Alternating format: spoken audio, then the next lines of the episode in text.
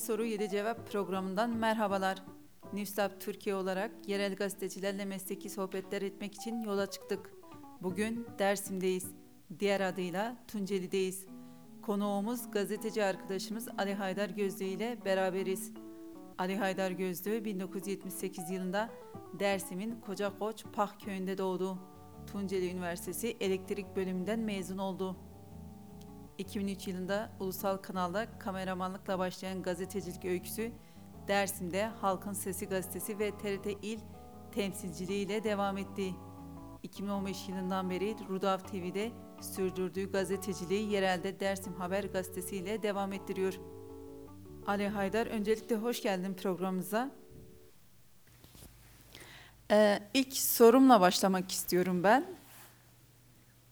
Yeni medya teknolojilerin gelişmesiyle birlikte gazetecilik tanımının sınırları aşındı. Bizim için gazetecilik tanımını yapar mısınız? Yani gazetecilik aslında değişen teknolojiyle birlikte aslında yeniden tanımlanması gerekiyor. Çünkü bu işi e, meslek olarak e, artık meslek olarak yapılmıyor. Yani işte elinde cep telefonu olan e, bir kişi e, bir fotoğraf çekiyor, video çekebiliyor ve bunu sosyal medyaya atıp e, direkt e, gazeteciye e, tesirde bulunabiliyor. Yani böyle bir etkisi var as- aslında. Yine e, geldiğimiz süreçte aslında biraz yurttaş gazeteciliği de ön plana çıkmaya başladı. Çünkü sosyal medya ve e, bu internet ağının gelişmesiyle birlikte böyle bir mecra da ön planda. Bunu da gözden kaçırmamak gerekiyor aslında.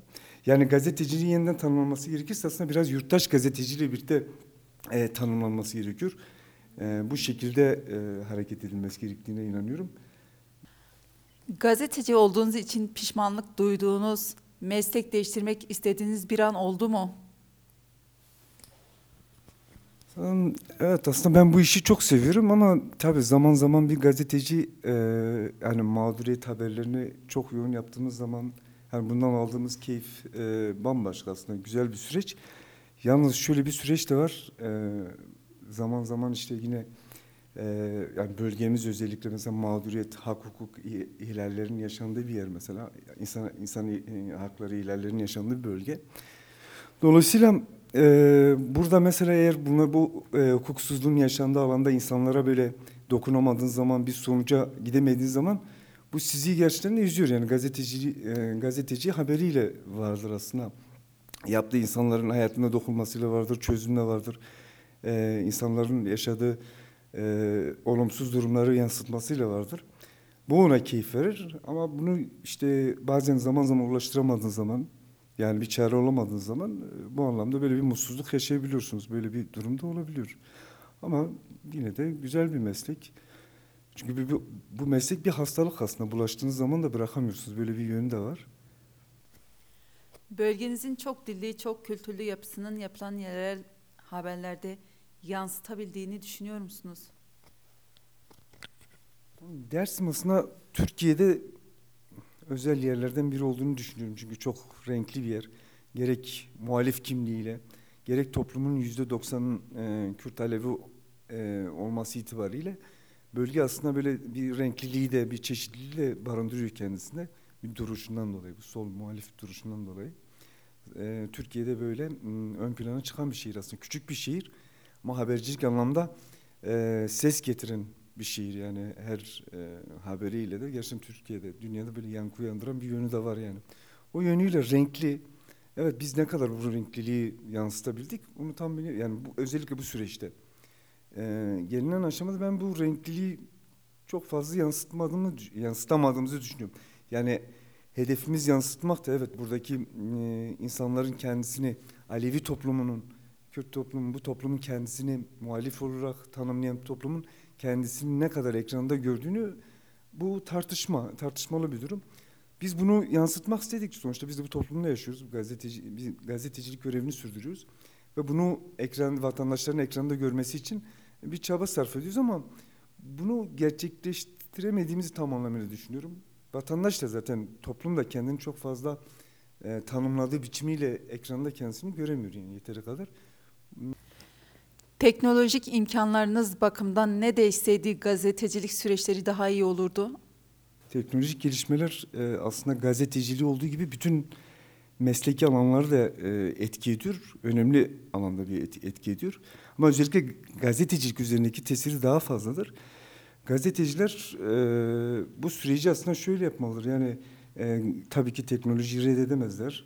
Ama e, fikirsel anlamda geliş, e, geliştirebilmeliler. Yani bu süreci adapte olmak için kendini geliştirmeli. Fikirsel anlamda, teknolojik anlamda da e, buna adapte olmalılar. Bu şekilde ancak bu süreci yürütebilirler. Aksi yani bu mecranın dışında kalırlar. Bu böyle bir olumsuzluğu var yani. Yerel ya da bölgesel ye- bir yayında çalışan bir gazetecinin insan hakları, demokrasi gibi açılardan ulusal basında çalışan biri kadar etki yaratabileceğini düşünüyor musunuz? Geldiğimiz aşamada ulusal ve yerel aslında aradaki fark e, bence kapandı. Çünkü dediğimiz gibi internet gazeteciliğin gelişmesi, sosyal medya e, sosyal medyanın son dönemde özellikle çok ağır e, hızlı bir şekilde gelişmesi, insanların çok hızlı bir şekilde birine ulaşması bu ayrımı aslında indirgedi. Yani çok fazla bir fark kalmadı. Yani çünkü işte e, mesela ilimizde bir haber e, bir ha, yaptığınız bir haberi bir milletvekili, bir parlamenter e, meclise taşıyabiliyor.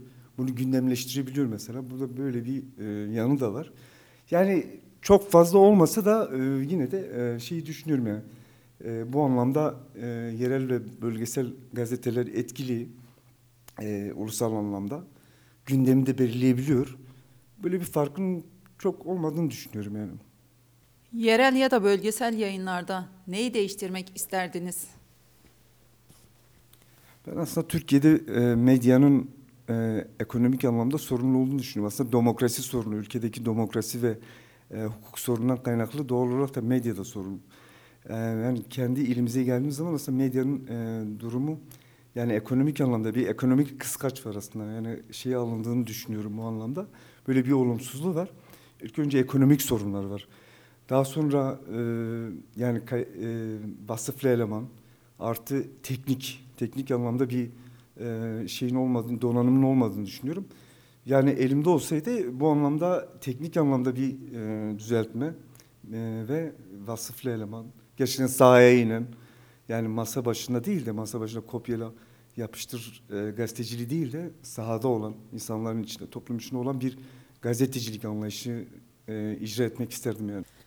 Bir yerel gazetecinin bir günü nasıl geçer? Sabah hangi gazeteleri takip eder? Hangi haberleri takip eder? Biraz e, yaptığınız işi anlatabilir misiniz? Biraz bir gününüzü. Yani aslında bu süreç biraz değişti biliyor musunuz? Bu son beş yılda biraz değişti. Yani bizim sabah kalkışımızla işte günü e, gün içerisindeki e, alışkanlık alışkanlıklarımız, yaptıklarımız, yaşam biçimimiz çok değişti. Yani ben 2003 yılında gazeteciliğe başladığım zaman ben işin açıkçası korkuyla başlıyordum. Yani güne tedirginlikle başlıyordum. Çünkü her gün bir yere gidiyordum. Her gün diyorum ya çatışmalı şiddet şiddet ortamı vardı. Bundan kaynaklı e, sıkıntılar vardı, olumsuzluklar vardı. Ölümler var, bilmem ne var. Çevrenizde sürekli kaos var.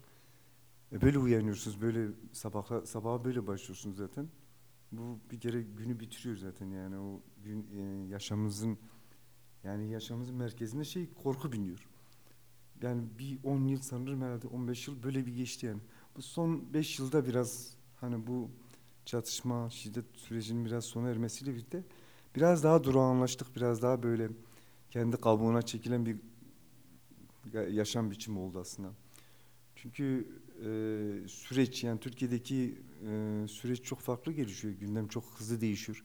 Buna bağlı olarak gazeteciler de e, yaşam biçimi, alışkanlıkları da değişiyor aslında. Böyle bir şey var. Ben sabahları kalkıyorum işte. Yani ilk önce sokağa iniyorum. Böyle kurumları falan geziyorum. Bazı yerlere iletişim kuruyorum. Ee, yani günlük geçen olaylarla ya farklı e, ne gelişmişse işte bilgi almaya çalışıyorum. Daha sonra internet gazetesinde gazeteleri takip ediyorum. Yine gazete alıyorum, yerel gazeteleri. Bizde ne var, orada ne var, onlarda ne var, eksik olan ne var, bizde ne, hangi haber bizde yer almamış, onlar da var.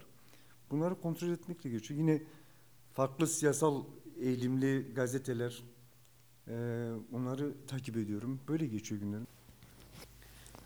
Ben teşekkür ederim Ali Haydar bizimle olduğun için, bu sohbeti bizimle paylaştığın için.